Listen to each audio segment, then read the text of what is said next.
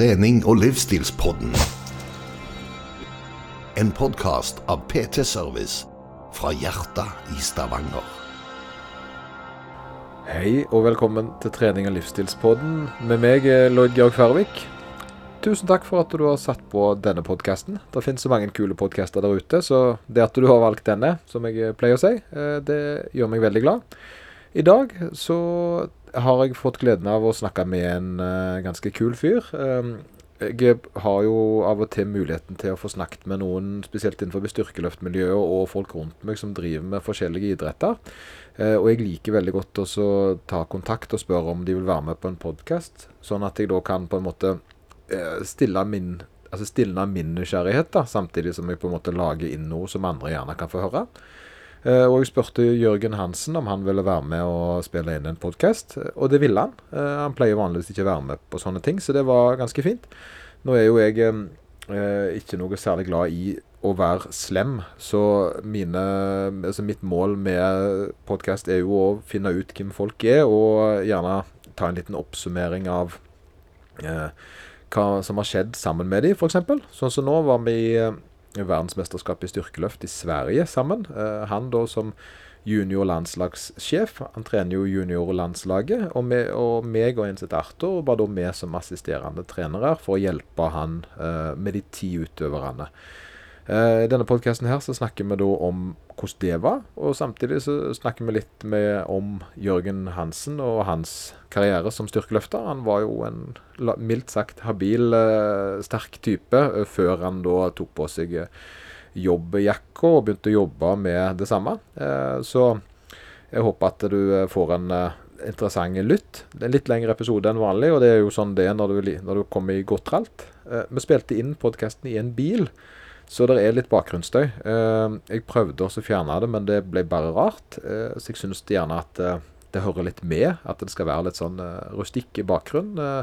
Så bare være litt forberedt på det. Men han var ganske tydelig og fin og klar i stemmen, så jeg tror det blir veldig bra. Nå går vi bare rett over, og så får dere ha en god lytt. Og ha det bra så lenge. Så, sånne podkaster er jo alltid litt sånn kleine i starten. Uh, og så pang er vi i gang, og så sitter vi i en bil fra si, Halmstad. Halmstad, er det ikke? Halmstad, Sverige, ja. ja. Og Nå sitter jeg jo da med Jørgen Hansen, og så skal vi kjøre en uh, liten podkast uh, der vi snakker om det vi har opplevd de siste Ja, det føles som de siste 14 dagene, da. Ja. men, men, det er jo to dager. Siste to dager, ja. ja vi fløy, vi kjørte ifra Du henta meg på Hvor var det hen? Henta deg på Sandvika togstasjon. Ja, Sandvika. Det er et lite stykke utenfor Oslo eh, for oss som ikke bor i, eh, på Østlandet. Og så satte vi oss i bil, og så kjørte vi over til Sverige. Ja. Ca. fire timer til ja, Halmstad. Til Halmstad. Og der er det jo eh, da VM i styrkeløft som har vært avholdt. Først da for veteraner. Og så for junior, der da Hans Jørgen er landslagstrener for. Uh, og så skal det være åpen da i dag og framover, men det, det, er på en måte andre, det får andre forholde seg til. Ja. ja. Uh, og så tenkte vi å snakke litt, litt om uh, opplevelsen vi har hatt med, med, VM, og egentlig mer litt sånn løst rundt ting, da. Ja. og landslaget. Det er jo litt spennende, det òg, for det, jo, det, er jo en fantastisk gjeng, syns jeg. jeg jeg syns det er så kult å se altså Før, da når jeg var, drev med styrkeløft, mm. så var på en måte Og du, du var jo en av heltene. Sånn, for meg da, så var du, du var jo på landslag. Eh, men øst, du var østlending i tillegg, og dere var så seriøse. da. Eh, vi på Vestlandet vi spiste jo kakedeig og sant, trente gamle Ditmar-programmer. Vi hadde det samme programmet alle mann. Mm. Eh, og, så, og, så, så vi litt mot østlendingene som drev på med alt det rare. Eh, men du, du drev jo med Når begynte du? Jeg begynte Jeg blir nesten usikker selv, da, men jeg begynte i 2003. Såpass? Begynte jeg. Ja, det, det, det, vet du hvor mange år siden det er? Ja, Det blir litt overraska hver gang jeg tenker på det. egentlig. Ja, du må ikke si det, må ikke si det engang. Det, det er lenge siden nå, ja. ja. Det begynner å bli en stund siden. Ja. Men da, da, hvor du trente den, hvor du starta den, da? Da Altså, jeg har på en måte alltid hatt lyst til å være, eller bli sterk. Da. Så den, eh, det å pense seg inn på styrkeløft det gikk jo ganske naturlig. Men jeg visste jo ikke noen ting om styrkeløft, så det starta at jeg begynte på et treningssenter så raskt jeg var gammel nok. Ja, for du, for du startet, du gikk ikke på en måte rett De fleste går jo ikke rett inn i styrkeløft. De, Nei, eh, nei. de, de har en liten omvei via, via Eller omvei, om du vil. De, de, de, inn- innkjøringsperiode på vanlig trening. Ja. Så var det biceps og så var det bro splits. ja, men det som jeg kanskje var litt heldig med, det tok ikke så lang tid før noen så at jeg eh, kunne bli litt sterk. Da. Så de, de eh, tipsa meg om styrkeløft. Du ble på en måte litt head- headhunta. Ja, det var fra en, en kamerat som trente der, som var litt eldre. Da. Og da, da var det inn på, det er jo lenge siden, så da var det inn på hjemmesida til Oslo Styrkeløftklubb. Og så var det inn i gjesteboka, som man drev med før i tida. På hjemmesiden. Og så skrive der at, eh, at jeg Ja, var nysgjerrig. da, At jeg så at det var noen rekorder og sånt jeg hadde mulighet for. Og så ble jeg invitert av var, Jeg tror det var Bente Arntzen og, eller Bjørn Astad som svarte på den gjestebokinnlegget. Da Da var det neste mandag var jeg på klubben. Ja, Og det gikk ganske fort. det, det gikk ok. Og det, det er jo ganske stilig. Ja. Jeg husker jo selv når jeg på en måte Styrkeløft var jo uh, ganske skummelt, syns jeg. Eh, tok, øh, og jeg skulle aldri begynne med det. Eh, men jeg hadde jo veldig lyst til å bli sterk, da. Eh, og for meg så var det jo det å bli sterk Det, var, det er jo et sånn gyllent øyeblikk. Det er jo den derre øh, Commando. Har du sett den filmen? Nei. Jeg har sn- snakket om det før, men det er Arnold Schwarzenegger eh, bærer en sånn tre eh, sånn tre, trestamme over skulderen sin. Ja. Og så har han noe stram biceps. Ja. Eh, og, det var på en måte Sånn skulle jeg bli. Eh, og Det er klart at eh, det skjønte jeg etter hvert at det gjerne ikke var helt realistisk. Eh, men det var det å være sterk og løfte den, den trestammen som var på en måte litt av greia. Han var jo alltid eh, en tøff, sterk mann i filmene. han Arnold, sant? ja. Men hva var det som gjorde du ville bli sterk? da? Nei, jeg holdt på å si født sånn, men eh, det var jo, er jo ikke det selvfølgelig. Men det var eh, I familien så hadde jeg mange som drev med fysisk arbeid, og som var, var sterke, da. Sånn såkalt naturlig sterke. Ja. Så det, det var liksom forbilder fra start. var onkel og far og alle de som var store og sterke da. Og som jeg ble veldig syntes var veldig artig, rett og slett. da. Så det var, det var liksom Da jeg skjønte at eh, hvis man eh, Den enkle veien til å bli Eller sånn man blir sterkest, da er med vekter. Før det så trodde jeg at det var med hardt arbeid på en måte i Ja, ja, ja. grøft og løfte stein og bære rør og alt det Du, du får- Jobbe hardt, da, de tingene der sånn. Så det bare var der helt fra jeg var liten, på en måte. Så jeg, Du, hadde du, hadde, du var en av de ungdommene som hadde fysisk Ja, arbeid ja. Eh, som en del elska sånne utfordringer. Ja. Så løfte, klarer jeg å løfte den steinen der? Hvor mange pushups klarer jeg? Hoppe opp på ting, løpe fort, alt det.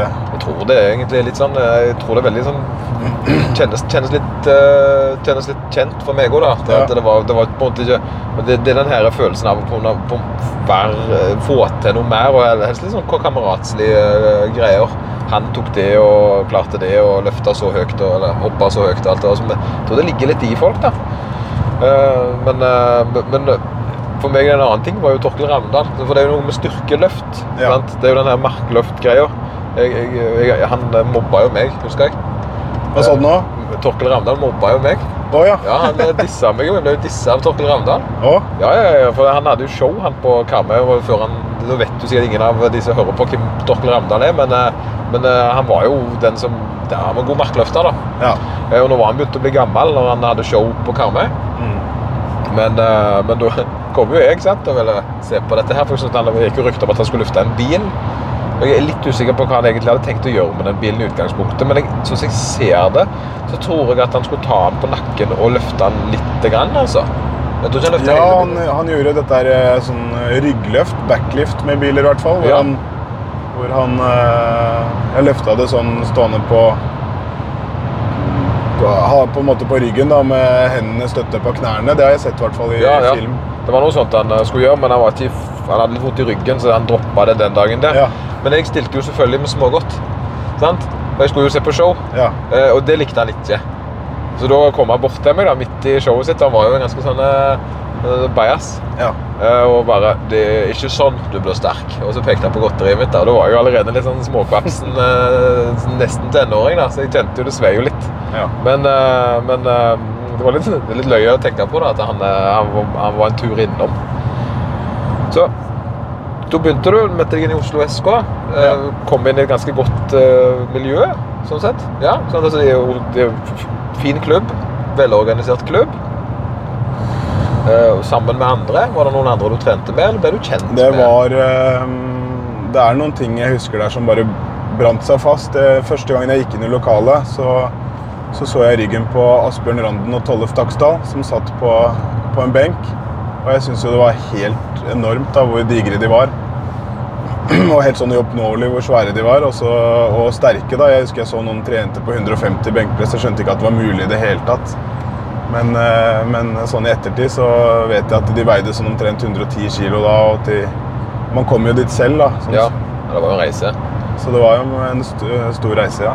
Ja, for det, det er jo et lite sånn sidesprang, da, men uh, som juniorløfterne er jo latterlig sterke. Uh, de må gå litt tilbake igjen til det senere, med litt hva de gjorde på VM. ja. Men, men hva er det som gjør at For jeg husker jeg hadde den samme følelsen. Jeg skjønte jo ikke hvordan svarten det gikk an å løfte 200 i benk. Nei. Det er jo bare helt tullete. sant? Det sterkeste på gymmet der jeg trente før jeg meldte meg inn i eh, Stavanger, da, han hadde 120, tror jeg. Mm. Eh, Og det var jo med rumpeløft og sprett og alt som var. Så ligger det da en eh, tilsynelatende vanlig herremann og pumper på 150-160 kilo som om det var hverdag. Mm. Eh, og, og, hva, hva du tror som gjør at de, at de blir så sterke? At, eh, er det sånn Altså, jeg har jo mine tanker sjøl om det, da, men, eh, men hvorfor liksom Hvordan er det mulig, da? Nei, det, altså, ting utvikler seg jo i alle idretter, også i, i, i styrkeløft. Så det er jo det at man setter nye standarder, og da, og da løfter eh, Man tror kanskje man har oppnådd et toppnivå, men da bare løfter standarden seg. Det er det som er mitt inntrykk. da.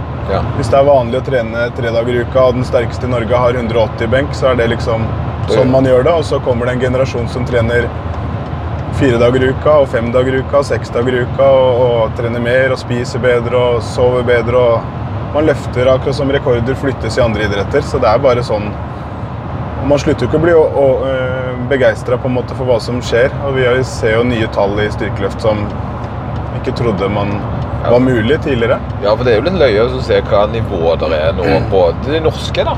eh, I forhold til før. Og og jeg tror jo noe av det har jo at de løfter gjerne på de forrige generasjonene. At de på en måte blir løfta opp av det. Eh, Men òg så tror jeg det samholdet som gjerne er inne i klubben. For jeg, for jeg tenker litt sånn Greit nok at det er ikke alle som skal klare å ta 200 i markløft, eh, som Isabel gjorde. Mm. Men jeg tror folk flest er i stand til å løfte mye mer enn de tror sjøl. Og det er det der hvordan får, du, hvordan får de ut sin egen, altså sitt eget potensial, om det måtte være eh, 100 kilo eller 150. Eh, Tror du, hva, hva tror du er viktig for det? Det er jo den eh, indre motivasjonen som sitter litt dypt. da. Den som er der når det går, når det går litt dårlig og går litt trått òg. Og, eh, og den som eh, Ja, den flammen som virkelig brenner inni der. Det er den du trenger når du skal For du må jo ha litt langsiktighet. Ja. Så jeg tror det er det at den flammen på en måte tennes og forsterkes, og så bare jobber de på, jobber på, jobber på mot målet sitt. Og da, og da kommer målet. ja. Det blir på en måte Man får det til. Får det til. Ja, de blir litt bedre på å slå seg sjøl, på en måte. At, eh, for det det, det er mitt For jeg husker altså jeg har jo trener jo veldig mange som gjerne ikke har så mye treningserfaring. De kommer jo til meg eh, uten noen ting. De har aldri vært tatt i stang før. Og da, da, da høres tall sånn 40 kg i markløft høres voldsomt ut. da. Eh, og det er klart det at uh, jeg kan jo ikke skryte av en progresjon på en person som har gått fra 40 til 60, selv om det er 50% Fordi jeg vet jo at det er mye mer uh, i de enn andre. Men nå om dagen så er det litt sånn løye, for jeg trener ei som uh, jeg heter Siv, da. som er mm, voksen, som 50 pluss. Det er vokste ikke kjempegammel, hun er ikke gammel, liksom, men hun har begynt å trene nå. Og så har hun da fått litt smaken på styrketrening, og det syns jeg er kult. Det er en bra ting. Og, og, og hun hadde null kunnskap og null erfaring om det. Har fått noen PT-timer, og så nå trener hun eget trening styrkeprogram. Og hadde test nå mens jeg var på VM. Eh, og da løfta hun 80 kg i knebøy og så 100 kg i markløft. Eh, og det er teknisk veldig fine løft, og så mener jeg det var 50 kg i benkpress.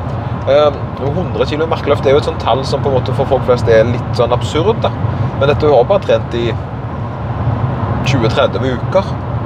så hun har jo noe der inne. Men den driven til tørre å ta og løfte 100 kg det er jo eh, det, er jo det jeg tror at det er en sånn en, eh, det er en reise. Det er en reise inn i seg sjøl, da. Eh, og hvis du på en måte da altså, hvordan, hvordan kan du få de til å bli enda bedre? Har du på en måte noe sånn motiverende ting eh, du liker å gjøre?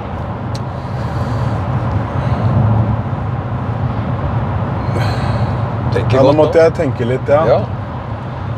Da tenker du hvordan de skal bli, altså, komme seg videre bli enda bedre fra der de allerede er på et høyt nivå? Ja, nei, ja, enten det, eller hvordan du får egentlig Hva er det, hva er det, du ser på som driver de beste, da? Eller hva er det på en måte sånne stikkord som du på en måte leter til?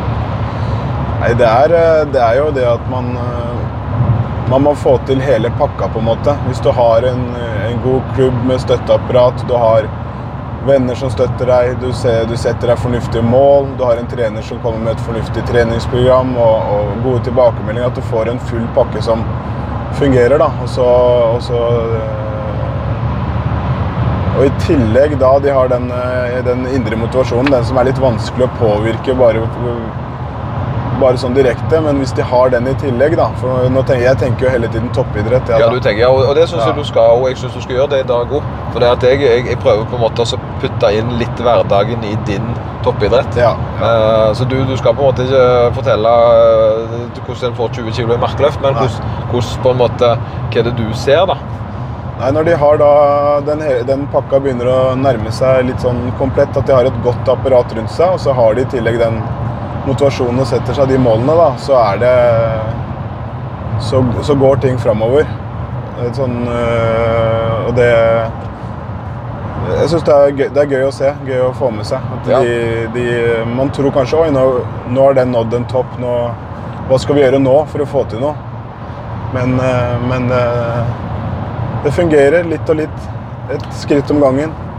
Ja, det, det er liksom den der kjedelige kontinuitet og Ja, dessverre. Det er det, altså. Ja, det er ikke noe for det alle. Liksom, det, jeg, må tise litt med sånne lure benkpresstriks og sånt. Jeg har allerede vært og pirka i deg litt, ego. Ja, men, ja. eh, men man vil, ønsker jo så gjerne at en, at en gjør en gjør ikke det beste. Ja. Og, det, og det kan jo alltid bli bedre. Mm. Eh, Men jeg tror, det er, jeg tror ikke det er, det er ikke en lett løsning på bedre resultat. Det tror jeg ikke. Nei, ikke når øh, Sånn som jeg tenker, altså fra høyt nivå videre. Da må du ha Du må ha en, en full pakke. Altså alt går jo og, og, Har du et stortalent, så det jo, tar det jo flere år før det bremser opp. Men, men ofte som Selv på juniorlandslaget så overtar man jo ofte løftere eller har fulgt opp løftere som har holdt på noen år. Junior er jo når du er, øh, du er fra 18 til 23, så det er jo voksne personer der òg. Ja, det er jo, det er jo Og da må du begynne å tenke full pakke for at du skal komme videre på de fleste. da. ja. Så de, de, den første ekstremt morsomme og raske reisen, den, den tilhører ofte til de første året, par årene på klubben, på gymmet. Ja, for når de kommer til deg, så er det på en måte litt mer da er de, Men da er de jo litt mer, gjerne litt mer profesjonelle i tillegg, da. Ja, det, det hender. Så, ja, ja, for det, det, det er jo det som er litt kult. Det var det litt, Gå inn litt på VM, da. Så når jeg, jeg sitter på en måte i, eh, i stevne, altså oppvarmingslokalet der vi skal varme opp, eh, og se rundt meg eh, Og jeg, ser, jeg må jo si det at det er jo, det er jo atleter det er snakk om nå. Det er den, det er jo ikke de der kakespisende Altså, det, kosten er jo fortsatt litt morsom, da. Med smultringer og donuts, men eh, eh, og, og, og eh, sjokolade. Men det er jo litt, sånn, tilhører jo litt kraftidrett å ha litt uh, rask energi. Men de, dette er jo folk som de spiser godt. altså De spiser kontrollert, og de ser jo virkelig ut som de kan altså De ser ut som de driver med styrkeløft. da. Spesielt, Ja. spesielt Ja, i rett vektklasse, mener jeg. Ja, jeg, jeg skjønner godt hva du mener, og det er kanskje en sånn Det går jo forskjellige trender og forskjellige bølger. Og, og da jeg begynte med styrkeløft, så husker jeg at vi var veldig påvirka av det som skjedde i eh, Det var vel kanskje hovedsakelig også fra KK67, ikke sant? hvor de aller største og sterkeste var. Ja, ja, ja, Og det er klart at da, da blir det en bølge hvor man Altså man blir jo ofte sterkere når man blir større og, og tyngre og, og Og folk så mest på de som var aller sterkest, da. Men også med, med det utstyrsfrie, så Så jeg føler at det er en litt ny bølge. Jeg har ikke helt satt fingeren på det, men sånn nasjonalt så fikk jo vi noen noen løftere som begynte å bli veldig gode nedover i klassen òg. Som beveget seg hvor de, hvor de, gikk fra tunge klasser og ned. F.eks. Bo Bergan og Joakim Linseth. Og min opplevelse er i hvert fall at det det hadde noe å si. Det ga en ny bølge, en ny, ny ja, trend. Ja, ja, sånn det, drog, de det dro interessen nedover klassene. For jeg husker det at det, det var jo ganske fulle klasser i, I tungklassen, ja. tungklassen ja, før. altså. Ja, nå, nå, er det ikke det lenger. Nå er det ikke så mange som satser i, eh, spesielt i pluss. da, hvis det Gjerne folk som er i utgangspunktet høye, altså menn, da. Da mm. tenker jeg på menn. Eh, ja, store menn i 120. Mm. Uh, det er ikke lenger på en måte en, en, en, velger litt klassen i forhold til hvordan den er skrudd sammen. Før, før så spiste en seg bare opp, og så endte en opp i plussen. Altså, ja, mange av de som ville satse, det er i hvert fall det jeg tenkte at de, de ville bare opp. da, Det var det som de ble fortalt i klubbene, og der de så at det var en, i hvert fall en trend da jeg, jeg begynte. Og så, så kanskje litt annerledes nå. Man tenker mer hvilken vektklasse passer jeg i. og og sånt. Da. Det, det, virker, det virker som de tenker mye mer. Det er jo egentlig det som er greia.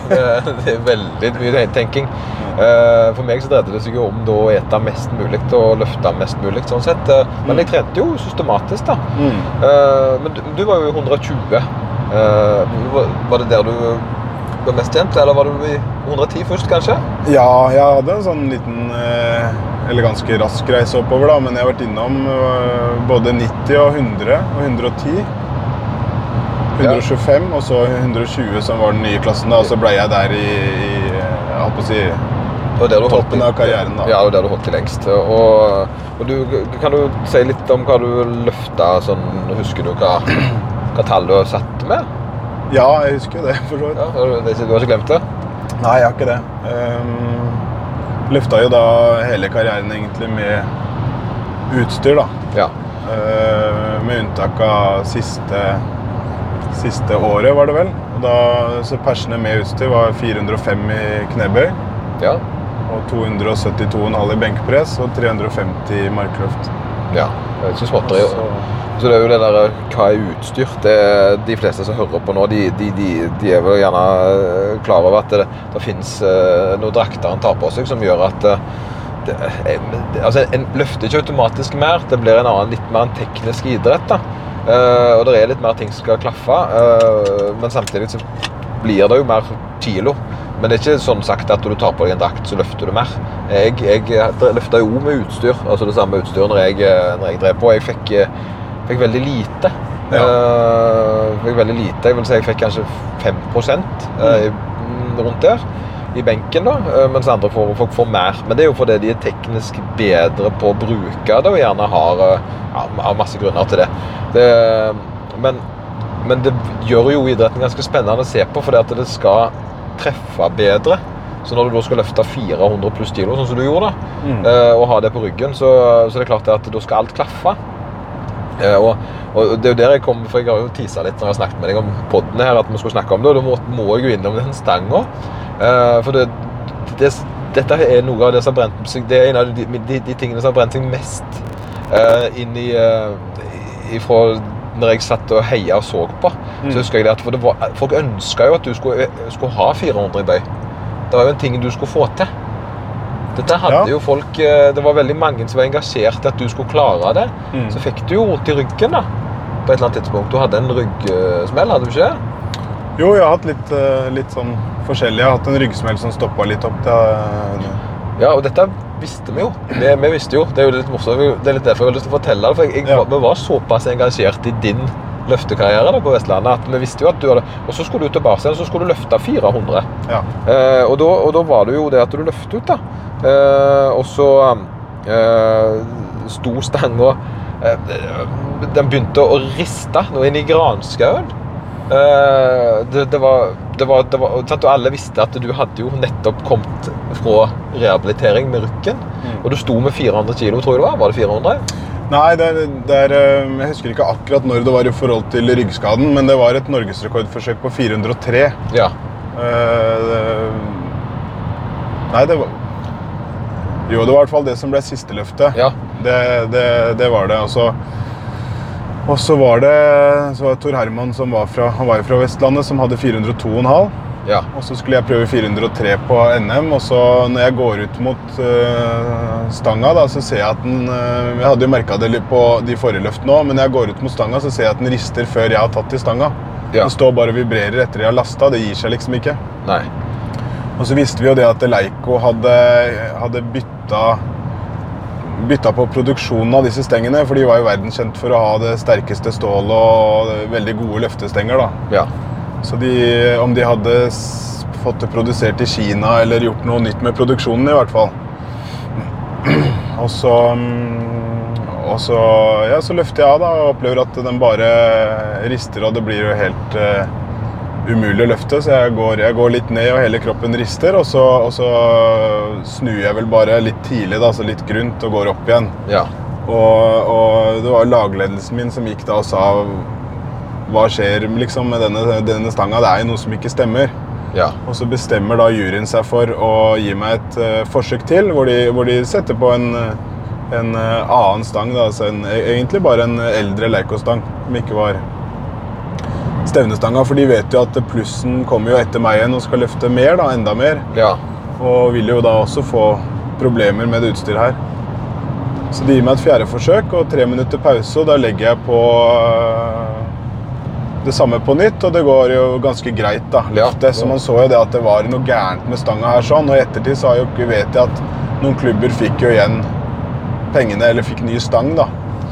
Av Leico, og at de slutta med den, øh, det de hadde gjort med produksjonen. da. Så det, det, det, om de hadde flytta eller brukt et annet stål, eller Ja, de måtte jo gå tilbake til det gamle igjen, da. Ja, og det var jo egentlig en litt sånn, litt sånn kul historie. Så- Så ble det jo dramatisk, ikke sant? fordi det, var, ble, det ble mange tunge løft med kort pause og, og på og av med surringer og disse tingene her som, som er litt krevende. da. Ja, for det, det er ikke bare bare. Og så er det noe med å ha Det er jo ikke veldig mange som har hatt 400 kilo på ryggen. og det er klart, Du blir jo vant med det meste trolige, men du, du vil jo helst ikke ha det på for lenge uansett. Eh, Og, og bare det å stå med sånn vekt er jo eh, For det, det, det som folk gjerne ikke eh, tenker på når, når, de løfter knebøy, er det at på et eller annet tidspunkt så er det tungt å gå med vektene. Du skal jo løfte det av stanga, og så skal Ja, du gå bakover. Ja.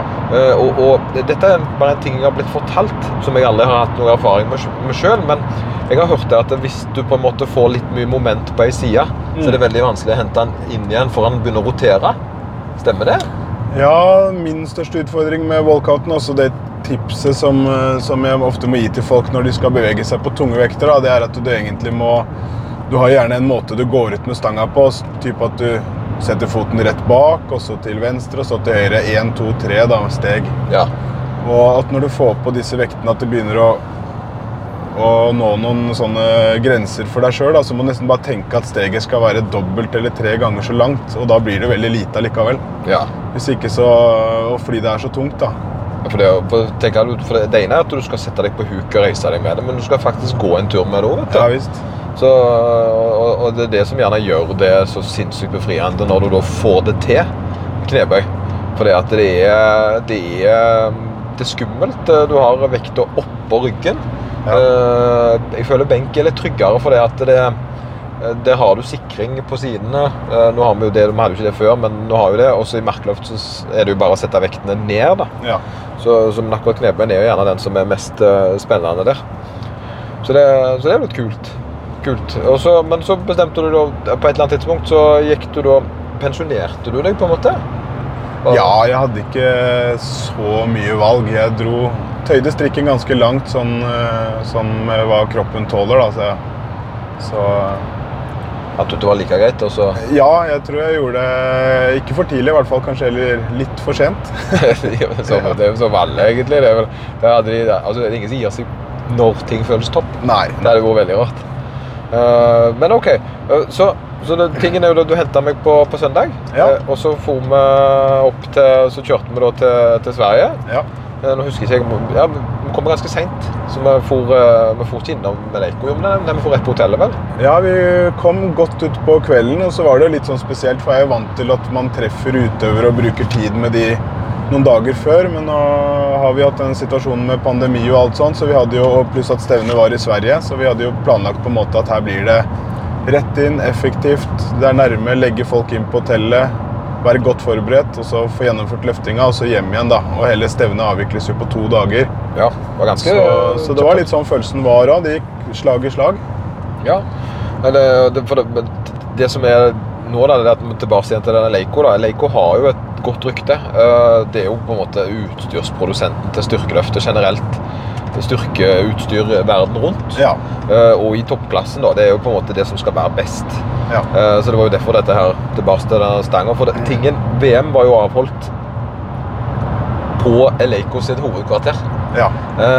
Og, og det er jo Det er jo en plass Det er en flott plass, da.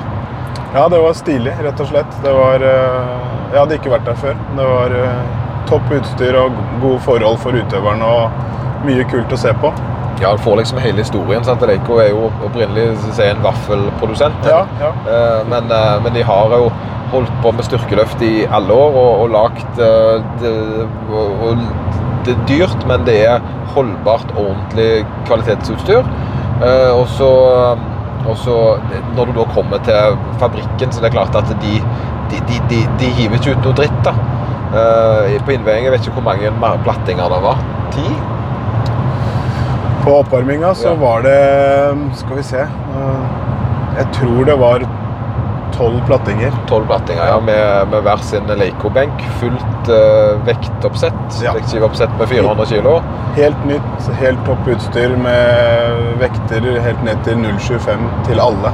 Det, altså, det, var, det var helt fantastisk. Og så var det jo da showroom og shop, selvfølgelig, så du kunne kjøpe så det var, det var kjekt å være på en måte som du sier, For meg Oda, da, som var det litt sånn Charlie i sjokoladefabrikken Jeg fikk jo Jeg har jo eh, gnålt om Eleiko i alle år, og folk forstår det jo ikke. Det er jo at Folk flest bryr seg jo ikke om hva stang de løfter med, hvis du nei. ikke er styrkeløfter. da. Nei. Eh, men for meg så er jo dette her eh, det er jo hellig. Så det har gått med et par tusenlapper på i shoppen, altså, det må jeg innrømme. Ja.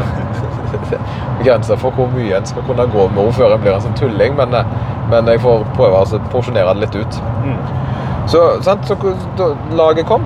Du har jo eh, du, Det var jo et lag her, et landslag i, uh, styrkeløft junior. Ja. Hvor mange, jeg husker ikke hvor mange vi var. Det var ti løftere Ti løftere, ja. og tre hovedlagledere. da, Så fikk vi jo med oss også Arild, som har vært der med veteranene, som var med og, og hjalp oss litt. Ja, for de, var, jo- de hadde løfta på en måte noen dager før, og så var de her ennå, da. Så det var veldig koselig. Ja. Og så hadde vi da Arthur, som, eh, som var meg, deg og Arthur, som på en måte var coachinglaget fra, Fra Norge. fra Norge ja, i junior, og, det, og du da som head coach. Så, så det var helt, eh, helt topp. Vi vi er ute og kjører bil, eh, så det er litt derfor det, det er litt ekstra action. Men Der får du gjerne høre litt ekstra lyd til tider. Ja. Så det, så det, men det, det er jo sånn reise, reisepodden, så det er jo eh, litt sånn det skal være. Eh, nå kjører Jørgen litt, så skal jeg prøve å forklare litt. eh, da, på, på dag én så hadde vi tre løftere. Eh, nei, det hadde vi ikke. Jeg er litt usikker på hvor mange vi hadde. Vi hadde tre på dag én. Ja. vi hadde på dag én. Eh, og um, vi, vi, vi sørger for å hjelpe dem. Først spise frokost, eh, ta dem med bort. Jeg husker De var ikke så tidlig innveiing på mandagen. Nei, vi slapp unna den tidligste på mandagen. det gjorde vi. Ja.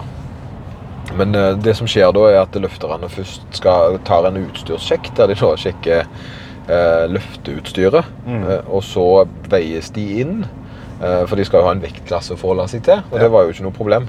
Eh, og så var det jo da også jobba med eh, Etter innveiing så er det to timer til, til stevnestart. Så da er det en liten pause, og så, og så begynner en å varme opp og skal være klar til stevnet starter. Mm. Uh, nå går det helt i surr med Kim med hjelp på dag én. Så ser du.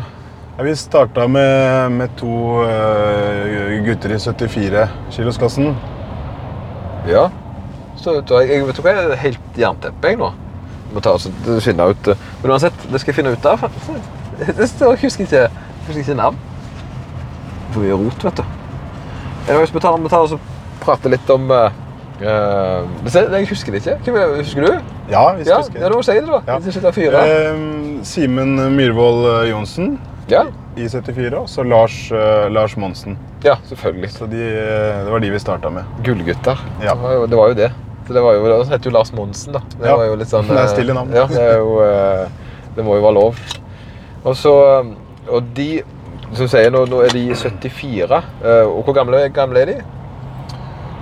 Begge to er veldig unge. De har flere år igjen som junior. Men jeg husker Ja. ikke akkurat hvor eh, gamle, men det er, det er snakk om 2000-tallet på begge to. 2000-tallet, ja. ja. Mm. Så de er, for de kan være junior fram til de er tre Ut året de fyller 23.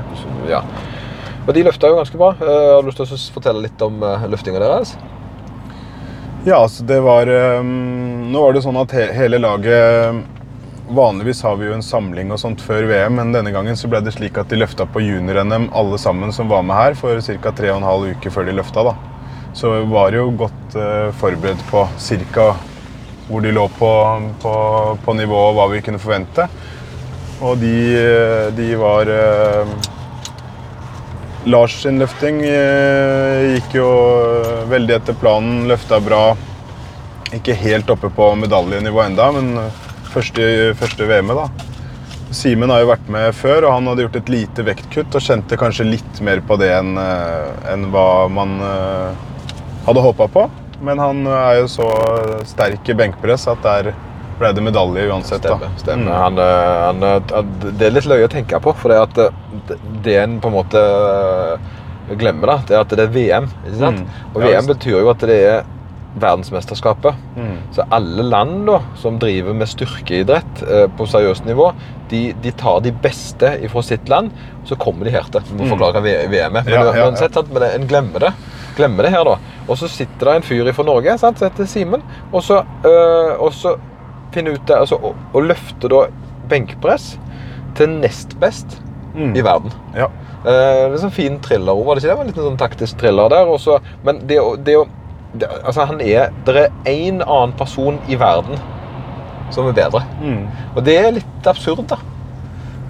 Ja, det er, det, er jo, det er jo rett og slett det. Sånn, øh, jeg formulerer det litt annerledes. Da, at man, kan, man vil jo gjerne tenke at det er en annen person i verden som er bedre, men det er jo ofte flere. Men det er, han var den beste på VM det året. Ja, altså nest beste. Ja. Og, og, jo, og det, det er så mye større når du skal på et VM, da, for du må jo gjennomføre hele opplegget, reisen og komme deg dit. Det er ikke det samme som å løfte benkpress på gymmet hjemme, da, i hans tilfelle. Det blir noe helt annet. Så du må prestere der og da, og det er det som er litt uh, av greia. Og det er stressfaktorer som man aldri ser fra utsiden. Ja, for det, det, det er jo det der dumme argumentet. Da, at eh, Hadde jeg vært med, så hadde jeg tatt det. sant? Ja. Det, det er ikke lov å si, for det, at eh, det, må du faktisk bevise først. ja. Uh, jeg, jeg har alltid vært veldig mot, uh, mot akkurat den her eh, tankegangen der. For det, at, eh, det er så mange faktorer som gjør at folk Og det, det skal vi ta litt etterpå, hva, Ja. hva, hva Mats var igjennom. Eh, Ja. sant? For også eh, At en, en, en kan ikke bare plukke det med seg. Det er, det, en er plutselig i en konkurranse med noen av verdens beste på en plass en aldri har vært før. I, i, i, sant? Eh, et, der alt skal stemme på akkurat rett tid. Mm. Det, er, det er veldig kult når det går så bra, altså. Jeg sånn, slet meg litt med grepet i markløft og var litt misfornøyd med det. Men, eh, men han tok jo med seg da sølv. eh, i, eh, og det, det, er jo, det er jo helt rått. Og så er det jo litt artig at faren hans, Mm. Terje, da, ja. som da løfta i master. Så der har du liksom sønn og far som Mm. konkurrerer på samme VM. ja. Mot hverandre, men de, de har liksom konkurrert i respektive al- al- alderskategorier. Mm. Det tror jeg ikke jeg har hørt om før. Nei, det, det er jo litt sånn Kanskje ikke eplet alltid faller så langt fra, fra stammen. Så det er jo en del eh, generasjoner som ofte har, Har litt styrke i en seg, da. fot i, i styrken. ikke sant? sånn I styrkeløften. De er litt forskjellige ja. personligheter, de to. da. Jo, jo, jo sagt. Men det er jo- Den ene har på en måte jeg, ikke, jeg skal ikke si hvem av dem, men en av dem har jo da tatt et dypdukk inn i ekstro, eh, ekstrovert-tilværelsen. Eh, og veldig trivelig fyr. Eh, altså, begge to er jo det, men, men den ene, er veldig ekstrovert. Den andre han er litt mer sånn, eh, tar det litt mer rolig og overraskende balansert, egentlig. Så får vi bare gjette hvem som er hvem der. Det får vi se. Men eh, så er det knallbra. Eh, og så var det Mia. Ja. Ja. Og det var jo da eh, Og hun ble jo trent av nå, hvis jeg ikke ser feil, hun ble trent av Arthur. Er hun det ennå, eller det er jo du som på en måte har ansvaret? Men Nei, hun blir trent av meg, ja. ble trent av deg, Mm. men Arthur kjenner fra før? Ja, Arthur var jo De fikk jo en lurte jo litt på hva som skjedde, for i Tromsø en stund så produserte de jo spesielt sterke jenteløftere. da. De kom på litt sånn på løpende bånd, veldig gode jenteløftere. Ja. Så de hadde en skikkelig greie gående der oppe, og da er jo hun en av de som kom fra den gjengen, da, om man skal si det, med, ja.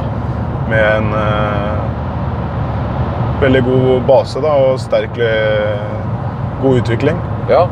Hun kom seg inn på juniorlandslaget, da bor jo nå i O- Oslo, da. Veldig tøff dame, for øvrig. det- Så det var, men det hun var det bare plankekjøring gjennom stevnet, føler jeg. Ja. Jeg var jo da en annen plass imens, for det, jeg, jeg fikk ikke helt med meg hvordan det gikk på bak der. Jeg, jeg la ut litt stories på Instagram, og så plutselig så ble det litt stilt. Så tenkte jeg, hvordan skal jeg fikse dette her? Uh, men, men eh, for, jeg, for det var jo da Vi fikk en telefon, da. Uh, og dette, det er jo litt tilbake til dette her eh, topp tre ting som, uh, som jeg vil ta med meg fra eh, stevnet. Eh, og det øverst for meg så er det jo da en som heter Mats, da, som sendte en melding til deg. Eh, og han veide jo eh, Han skulle veie seg inn i 105-plassen, men han veide ikke det. Nei, jeg vet ikke alle detaljene, kanskje.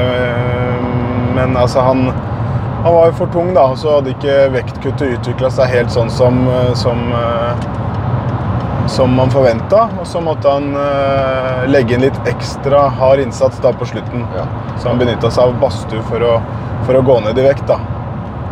det, det Så han hadde jo på en måte Han hadde jo gjort alt riktig fram til siste dagen. Så var det et eller annet som skjedde som gjorde at han når han da drakk vann, så gikk det ikke ut igjen. Og det er jo sånt som kan skje når han på en måte så, For det er ganske vanlig i uh, idrett og i styrkeløft er det blitt òg at en gjerne ligger litt over vektklassen sin, og så henter en, går en eh, litt ned. At det, det er bra å trene på overskudd, da. ja. Eh, og så tar han da går litt ned for å komme seg unna vektklassen rett når han, eh, når han skal eh, når han skal være med på stevnet. For han får jo ikke lov å være med hvis den veier mer, enn, mer eller mindre enn det, det vektklassen. eh, sant? For han så hadde det vært 105 til 93. Så, så han kunne på en måte ikke, Hadde han veid mer eller mindre enn det, så hadde han får han ikke lov å delta. Han veide jo 111 da. Eh, da. Og det var jo, så da for jeg av gårde, og da satt han inne i et, eh, en badstue på eh, et CrossFit-senter i Sverige. Som hadde vært såpass snille å låne oss CrossFit Halmstad. Jeg, faktisk, jeg, jeg, jeg, pleier ikke å skry, altså jeg, ikke, jeg er ikke negativ til CrossFit, men jeg pleier ikke å skryte av det heller. Men akkurat her gjør jeg et unntak. For dette var fine folk, altså. ja. Så de slapp, slapp, hadde sluppet denne karen her inn. Og så ble det da Og der satt han og svetta og skulle gå ned i vekt. Eh, Så jeg ble jo da jeg, beste opplevelsen jeg har hatt, og det er da satt jeg og han eh, med 15 minutts intervaller. Og eh, der han gikk inn, tørka av seg med håndkle, veide seg og gikk inn i badstue igjen. Mm. Og det holdt han på med i overkant av fire timer. Og, og det er altså så tøft gjort. Han klagde ikke, han sa ingenting. Han bare, sant? På et eller annet tidspunkt så satte vi på litt musikk. da. Mm. Uh, og den var, meg, meg og han har samme musikksmak for øvrig. Så, men uh, mens jeg da satt i denne badstua og så litt for mye svenske kjønn, kjønnsorgan, skulle jeg til å si. Ja. uh, det var litt Men sånn er det. De, de var jo veldig nysgjerrige på hva som foregikk, eh, og hvorfor han var der inne og hvordan det skulle gå. Så, men, men så så det ut som de gikk rett vei etter hvert. Det gikk jo ganske seint. Å gå ned seks kilo på et døgn er ganske bra gjort, altså. Eh, og, men han veide 107, og da, da var klokka ti, nesten halv elleve på kvelden. Og da skulle han Var det halv syv han hadde innveiing? Ja, det var jo det som var litt av altså var flere ting her vi måtte tenke på, men det var jo det som var litt av eh, utfordringen òg, var at det var veldig tidlig innveiing. Og så når han da hadde eh, ikke respondert sånn som man tenkte på det opplegget vi hadde eh, satt da, for vektnedgangen, så, så valgte vi da at du fulgte han opp tett. ikke sant? For Ja. man kan jo ikke holde på med sånne ting alene. Og man må ha noen til å være med og vurdere. Når skal vi stoppe? hvordan... For det er jo helseperspektiv, Ja, og det er jo øh, det er ikke det her vi ønsker. Men Mats var rett og slett beintøff, og han viste jo ikke Han hadde jo ingen problemer med å gjennomføre dette. Det Nei, var jo veldig sånn det var jo det som var overraskende. For det, imponerende, da. Jeg var liksom, jeg, jeg var jo på han hele tida. Og så Ja. liksom, ok, hvordan føles det? Ja, nei, det var bra. Og han var jo overraskende rolig, da. Det var jo det som var hele greia. Han eh, sant, slo, slo av noen vitser, liksom. Det, det var jo litt sånn eh, å, jeg, jeg, ble så, jeg ble så imponert. Ja. Eh, og så dagen etterpå så sendte jeg melding til han halv seks. Da veide han 105,9 eller noe. ja, da var han der, så å si. Ja, sant? Og så, og da skulle han bare dusje litt, eh, og så, um, og så veide han seg inn på 104,8. Ja. Eh, og, og tilsynelatende nesten uberørt av hele greia. Ja, så da er man jo, Når man vet at noen har gjennomført det han gjorde, så er man jo veldig sånn var på signaler man får på oppvarminga og, og, og sånt når han holder på å hydrere seg igjen da, etter innveiing. Men eh, nå var ikke jeg helt eh, tett på han, i og med at det var dere som, eh, Ja. som lagleder han. Men som fra det jeg så, var jo at eh, han presterte jo veldig bra. da, Og til og med fullførte og klarte siste markløft, som var et ordentlig maksløft. Som er det siste du gjør for dagen. Sånn typisk når han kanskje skulle forvente litt lavt energinivå. Så jeg bare bare Han ble jo større og imponert større. av hele, Ja, ja, ja. hele opplegget. altså. Han ble jo bare større og større utover, og det var jo litt fascinerende. du kommenterte det jo sjøl òg, for han veide jo 105 når han da, eh, når han da veide seg inn. Ja. Men han, eh, når han spiste da og drakk, så la jo alt det på seg igjen. Ja. Så han var nok eh, nærmere 110 eh, en plass inn i benken. Eh, Ja. Og det er jo ganske kult, da. Var ganske stinn. Han var jo helt, han var jo ikke slapp eller noe. til. Han dansa og han så ut som han var på Paradise Hotel. skulle ut til å se, Han så eh, en million dollars. ja visst. Og så, eh, og så eneste var en litt, litt sur bøy, men eh, sant? Altså en eller annen plass eh, altså i forhold til det ønsket hans. da. Ja. Eh, Så, så, men eh, ellers var det knallbra. Og så var det jo da Knut Einar, som var på en av de andre store det, det, han, som var det, han var det jeg som fulgte. ja. Eh, og, og det som var litt gøy med han, det var det at eh, jeg, ringte han jo på lørdagen for å finne ut om eh, om han uh, Snakka litt med han, og da, da var jo han tilhørte han KK67. Og, og dette er jo sånn, det er jo meg det er noe galt med. For det er at jeg er ikke så god på den dialekten mange av de har når de kommer langt nord. da. Sliter litt med det. Uh, og de sliter ofte med meg òg. For jeg har på en måte denne Karmøy-dialekten som er litt utvanna, men vanskelig. Og, og jeg tenkte nå skal jeg få en nå skal jeg få en litt, litt sånn en skikkelig dialektproblem her. Men han eh, svarer jo på karmøysk, som er der jeg er fra. da, Så det var jo eh, selvfølgelig eh, ganske lett, lett å kommunisere med han. Mm. Så han var jo da en litt sånn lokal, lokal type. Så det var bare stas. Så han hadde kjempestevne. eh, og til slutt da, han var jo, Det er jo markløft som er på en måte hans beste gren. Han er jo god i det meste, men det er jo så markløft. Og der hadde vi en sånn en Du hadde jo noen spørsmål etterpå. Eh, men han, uh, men han løfta jo da til slutt 312,5 kilo i, eh, i markløft. Eh, og og det, da kunne det, den der samtalen der var jo det Persen hans fra før var 297, tror jeg, eller var det 300? Det var 300, ja. Og så, og så kunne han, hvis han hadde løfta 315, så hadde han da tatt bronsen i mark. Eh, og det var vi klar over, og det sa jeg jo til han òg, at uh, hvis du tar 315, så blir det bronse i mark. Men han ville ha 312, for da fikk han en femteplass i pulje, og det var det han ønska. Og så sa jeg ja, da kommer alle til noensinne uh, Det er derfor jeg tar det nå. Mm. Alle kommer til å fortelle oss at hvorfor gikk vi ikke på 315. Bare Ja. så du vet det. Dette er, Du må bare øve inn uh, forsvarstalen med en gang. Vil du virkelig det? Ja. Han sa det. Så han ville, han ville heller ha en femteplass. Det var det som var viktig for han.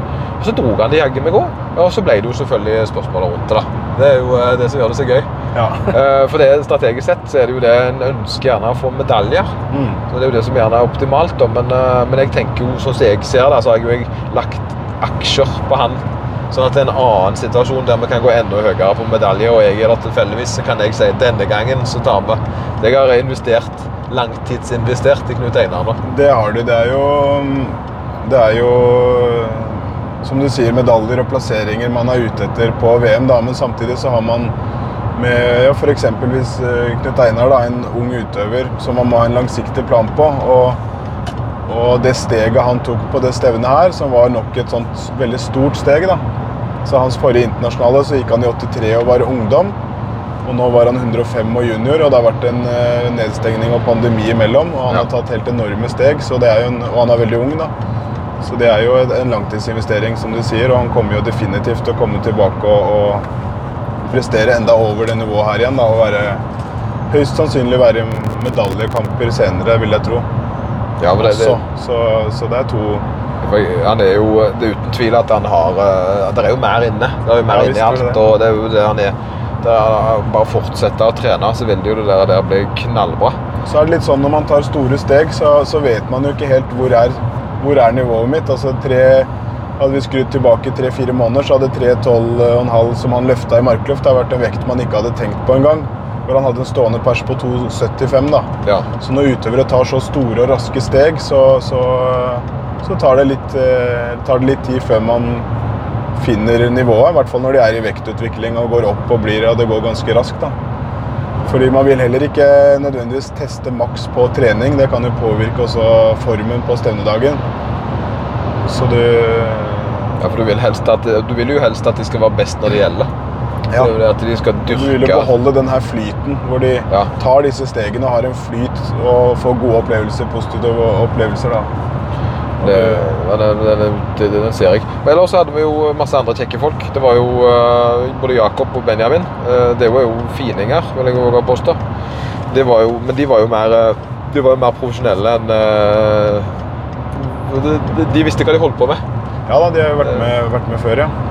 Det var, det var det som var for meg. For det var det, det kom igjen for meg, da, så er det det at en, eh, hvor, hvor ordentlig og, og strukturert opplegg det, det er. eh, Og de har lagt seg til Altså, de, de møter opp, de er liksom fine i pelsen, og klærne er perfekt. Altså, det, dette er jo 20-åringer. Jeg, jeg, var jo, jeg var jo ikke der jeg da jeg var 20.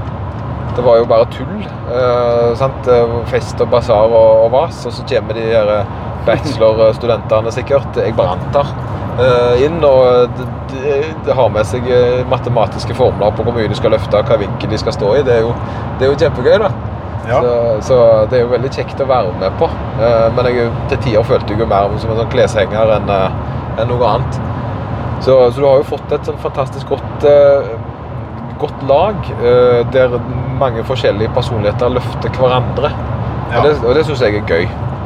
Eh, og, det, og det tror jeg og det, det er alltid det jeg har på en måte tenkt at det viktigste med sånn som dette, der en ikke blir rik, for en tjener jo ikke penger, de får jo ikke lønn. Nei. De får dekka reisen. Ja, uh, altså de. Det er ikke noe du blir rik av, nei, men de, de, de får jo relativt god støtte. da. Altså, vi har hatt litt utstyrssponsing tidligere. Vi får dekka uh, reise, ja, og bankett og disse avgiftene som er til stevne. Og, og, så det er eh, ikke helt eh, profesjonelt, men halvprofesjonelt Ja, på en måte. ja, for de får på en måte dekka altså de, de får dekka satsinger, da. Ja. Eh, og så, så har de deg, da, som er juniorlandslagstrener, som da har dette som en sidejobb. ja. Og så, eh, og så oss, da, som på en måte får dekka reiser og sånt fordi det er kult å få være med på. Det er jo strengt tatt det. Og så få en opplevelse. Og så er det jo, det, for meg er det jo veldig berikende. Jeg har jo noe å skryte av når jeg på en måte kommer hjem, da. ja. Sant? Eh, Så kan jeg Nei, det, fortelle. er, det er fantastiske opplevelser, det syns jeg òg. Så, og, så, og så var det jo da, når de var ferdig løfta, så hadde vi, hadde vi to, eh, to frøkener.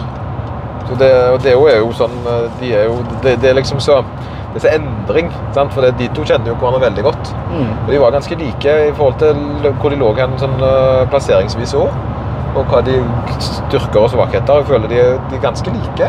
Ja, så sånn eh, løftemessig fordeling av totalen i knebøy, benk og mark og sånt, så er, de, er de ganske eh, like, ja, Ja. egentlig. Det er de.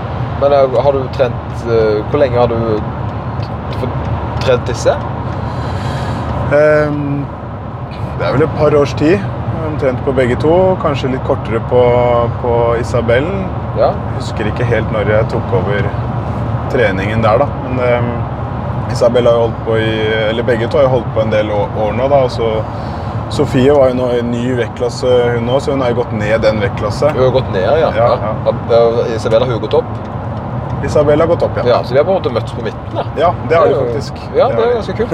Ja, fordi de, de, de, de at de kjente hverandre. De var veldig gode venner, da. Så det var jo veldig kjekt. Så de fikk liksom få lov å være, gjøre dette sammen. Det, det var nesten litt sånn eh, nesten litt, eh, Men det var det jo eh, Det, det må trekke fram der, var jo Isabel sitt 200 kg i markløft, som på en måte Det er jo tall som ikke fantes når jeg holdt på. Det var ingen uh, som dro 200 i markløft eh, utstyrsfritt. Uh, 76, altså Det var jo ikke 76 kg her, men det er jo det er ikke mange i Norge som gjør det. da.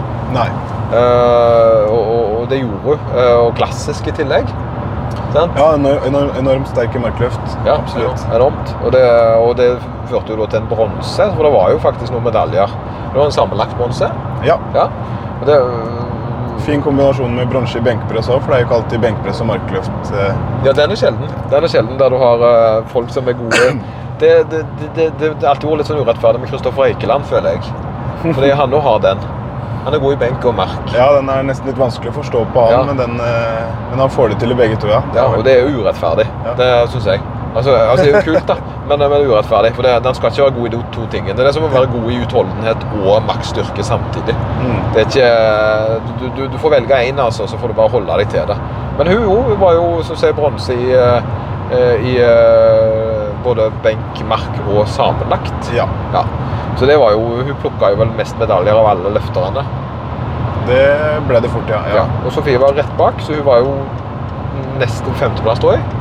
Ja, så Sofie hadde også en, en super gjennomføring, for hun tar jo slår sitt eget nivå som hun hadde i klassen over, da, i 84-klassen. Ja, sant? Og hun hadde jo et eh, ja, var ikke så ulik plan som Mats, men responderte litt annet på opplegget. da, Så hun slapp jo badstue og de, den delen der sånn. Og hadde god energi og, og løfta, løfta veldig bra, da. Ja. Og det er jo kort vei opp til eh, det nivået Isabel var på også, som potensielt kunne gitt medaljer, da. Ja, for hun var det rett eh, unna, liksom. ja, det, det, det var det som var så kult. Det var, Ja. det var, så de var de gode, altså. Det, og da, mener jeg, da er du igjen, sant? Da er du sammenlagt topp tre i verden og topp fire fem. Altså det, det, det, det er så høyt for det. Det er greit nok at det er 10 stykker løfter, 15 stykker løfter i pulja, men alle er jo blitt valgt ut fordi de er best fra sine nasjoner. Ja. Uh, så så det, det er ikke noen tullinger som møter opp uh, der. Og så har vi da selve rosina til slutt. da. Det er jo da uh, Mr. Man himself, Anders. Han har jo ikke sosiale medier, så det var jo litt morsomt. Det, og det visste jeg jo på forhånd. ja. Dette er han, Hvor høy er han? Nei, Det er jeg ikke helt sikker på, men at han runder 1,90, det, det vil jeg tro, ja. Ja, det må være Godt og- høyere. enn- godt og vel, Ja, eh, for er, jeg, jeg, følte meg ganske liten. altså. En ting er sikkert han er høyere enn Karl Ingvar. Ja, han er høyere enn Karl Yngvar. Ja. Ja, det, var, det var liksom det er det andre målet mot bananer, da, men vi måler mot Karl Yngvar. Ja. Og han er jo da en uh, djevelsk sterk bonde. Eh, som, eh, som er veldig glad i å dra markløft. ja. eh, og egentlig god i alt, da. Men det er på en måte markløften som er hans favoritt. eh, har jeg forstått. Ja, og så og så- Altså, Vi pleier alltid å gå for best mulig sammenlagt, men denne gangen så så jeg også da det fornuftige med å legge opp planen mot markløften spesifikt, da, for det er så, såpass eh, spesialist ikke sant, med at han har rundt omkring en 250-260 knebøy, som ikke holder til så veldig mye da, på et VM. Men så legger du på nesten 100 kg i markløft, ikke sant, at der er han en sånn rundt omkring 340. Ja. Og da, da valgte vi å holde igjen i knebøy, få lengre pause enn de andre og gå, gå all out i markløft, og så gå for den, på en måte. Prøve rett og slett på så- og så- og så hente best mulig medalje i markløft. Ja, ja. Og Det var jo stevnets siste løfter for oss, da. Så det var jo eh, så er det en perfekt dag. Vi hadde holdt på fra altså, Vi spiste jo frokost kvart på seks på morgenen. Ja. Uh, og dette her var jo rundt åtte-tida han løfta mark, og da var det jo da var det, jo, det var jo veldig gøy, for det her var taktikken i bakgrunnen. Åttetida på kvelden. Ja, ja, det var det. Ja. ja. Uh, og, og så, taktikk det handler jo, ene handler jo om at en skal løfte bra, men en skal jo på en måte løfte smartest mulig i Ja. forhold til nasjonene bak. For hvis en bommer, så får en jo ikke det løftet. Og da blir en stående med det forrige. Og da vil jo noen gjerne prøve å løfte mer enn det forrige, sånn at de kan ta plassen ifra deg. da. Det, det, som var subopt, altså det som var andre løftet ditt, ble tredje løftet deres. Ja. Uh, Så det innebar jo at vi, og det var da en turkisk, eh, en- vi er fra Tyrkia, og en amerikaner som løfta fra eh, Virgin Islands, var det ikke sånn? sånn? yep, yep. Uh, Som da var ca. på samme nivå. Mm. Uh, Som vi da fulgte godt med, og så var det noen andre som gjerne så bra ut på papiret, men det var liksom disse to som uh, som, som, som var utmerka seg mest at vi måtte følge øye med. da. Så det var litt nøye da vi drev og lette etter han tyrkeren. Vi var jo sikte for å se, vi måtte jo se hvordan han løfta, for å se om det var tungt. Ja, det blir sånn. Og så normalt så har vi jo eh, har jeg ofte bedre kontroll på hvem som er hvem, og hva de har løfta, hvordan form de er i. Men når vi har hatt eh, liksom en lang periode med et vakuum da, uten, uten eh, store mesterskap, for det er de tallene vi ofte ser på for det, hvordan har de prestert, eh, prestert på store mesterskap, da, spesielt jeg ser etter, og da har vi jo ikke noen ferske tall. Nei, du vet, Det har ikke vært, ikke. det har ikke vært noe, så da, da er man også forberedt på at noen kanskje kan stå påmeldt med mye lavere tall enn hva de løfter. da. Så det, Så Derfor var det litt sånn spenning knytta til hvordan er nivået i markløft i dag. Hva, hva kan vi forvente da? ja, og, og, og ting var det at når vi var lette etter han, så eh, fant man jo ikke. Men da har jo han vært og sett på oss. Ja, Så han, stemmer. ja, så han hadde jo vært og Vi så etter han, ja. Han sto og så på oss, ja. Ja, så han sto og spionerte på oss, Mm. da. Så, men, eh, og, og han amerikaneren virka jo tilsynelatende til å være ikke helt i form. ja. Eh, Både i bøy og benk, da, der det var mye tull. Men i mark var han ganske god. Ja, det er litt sånn at det er Hvis man skal tenke at, man, at det er litt forskjellig dømming, da, så er det vanskelig å påvirke markløft. For der ligger jo bare stanga på gulvet og skal opp i utstrakt posisjon, og så ned igjen. Mens knebøy så må du jo sette dybde, og benkpress må du ha stopp ikke sant? Og, og, og de tingene der. Så han underpresterte litt i knebøy og benkpress, og så var han jo på nivået sitt i markløft. da. Ja, og det var jo litt sånn, for vi var jo kanskje av at knebøy og benkpress ikke var så optimalt, så hadde vi jo gjerne litt håp om at han gjerne ikke var en så stor trussel i markløft. Ja. Eh, Men det innebar jo noe vanvittig sånn, taktikkeri, så alle løfter vi gjorde Det var jo tre løft i markløft som på en måte ble lagt opp sånn at eh, vi løfta sist, så vi fikk se hva neste person gjorde. Og, så, og det gjorde jo de jo. De, Ja. de det var jo ikke bare vi som hadde taktikk. Så, sånn vi, så, så alle hadde jo sine egne planer, så det ble jo veldig vanskelig egentlig å forstå valgene til noen fordi de prøvde å vippe oss av. Ja. Eh, men til slutt da, så var det jo litt kult, for på tredje løftet så var det jo da sto det eh, de fire siste Mm. skulle ha 3,30. Mm. Eh, og, og det var jo da fordi at det var det en trengte for å få førsteplassen. Eh, og, så, og det så jo du, og så snek du inn 3,35. Uh, for det at eh, Anders var tyngst, Mm. så han, og da var startnummer, så han starta først. Ja. Og da havna han pang sist.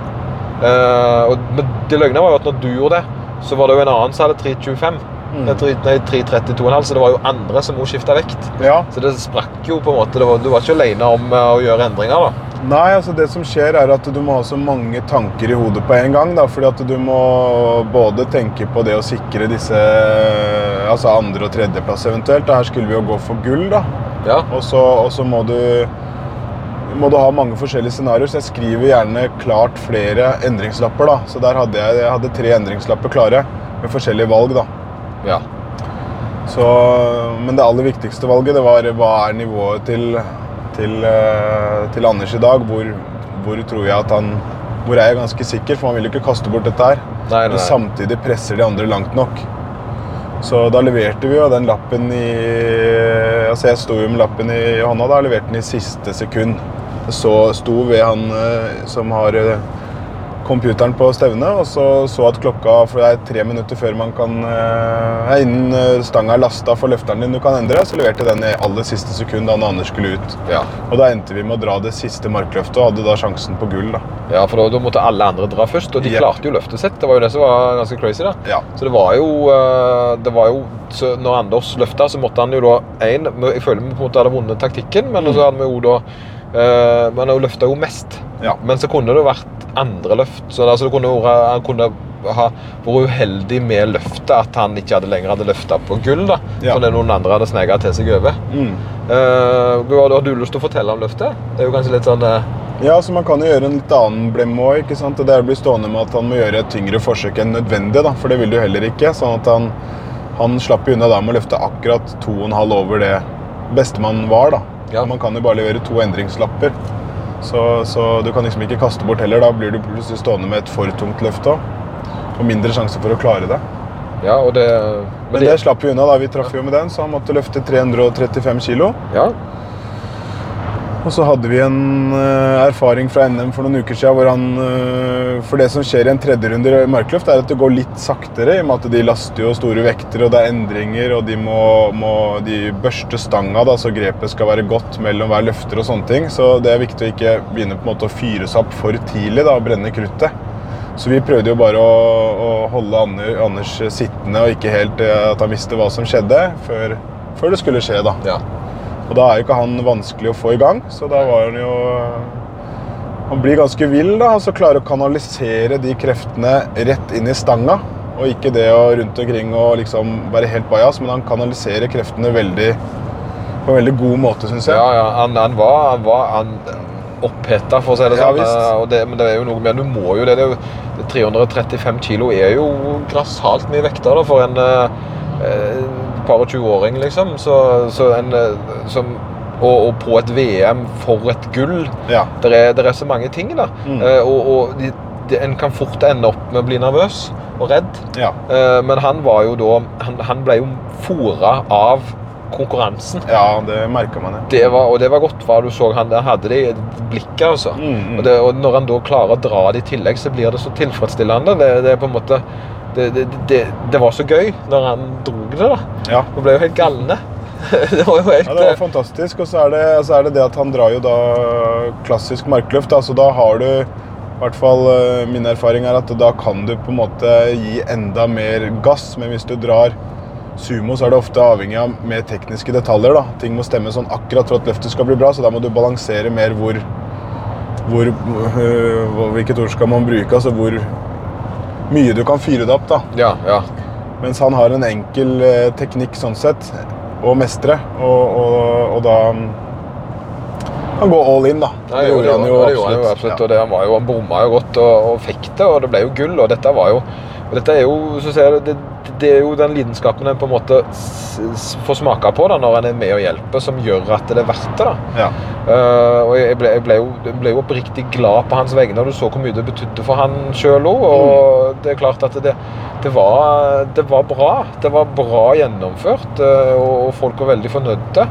Uh, og en sitter igjen med sånn god følelse av at dette her var, det var, det var godt, gjen, ja, så godt gjennomført. Mm. Eh, og jeg, jeg fikk jo T-skjorta som takk for hjelpen. for øvrig. Ja, var veldig hyggelig. Det, Det var jo snilt. altså. det, ja. det var veldig, og de takknemlige. Og, nei, altså, jeg, jeg må si det. Det var, det var en veldig kjekk opplevelse å få være med på. Mm. Så, så det, det må jeg bare si.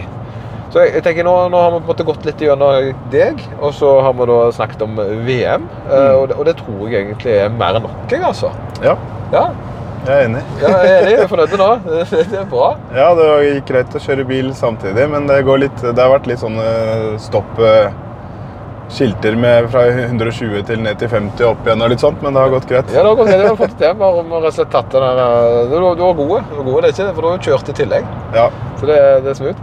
Men da får vi bare si god helg til folk, og så får de, får de ha, får de ha det helt for legger du den her ut på fredager. ja. Så eh, takk for at du kom. Takk for at jeg fikk være med.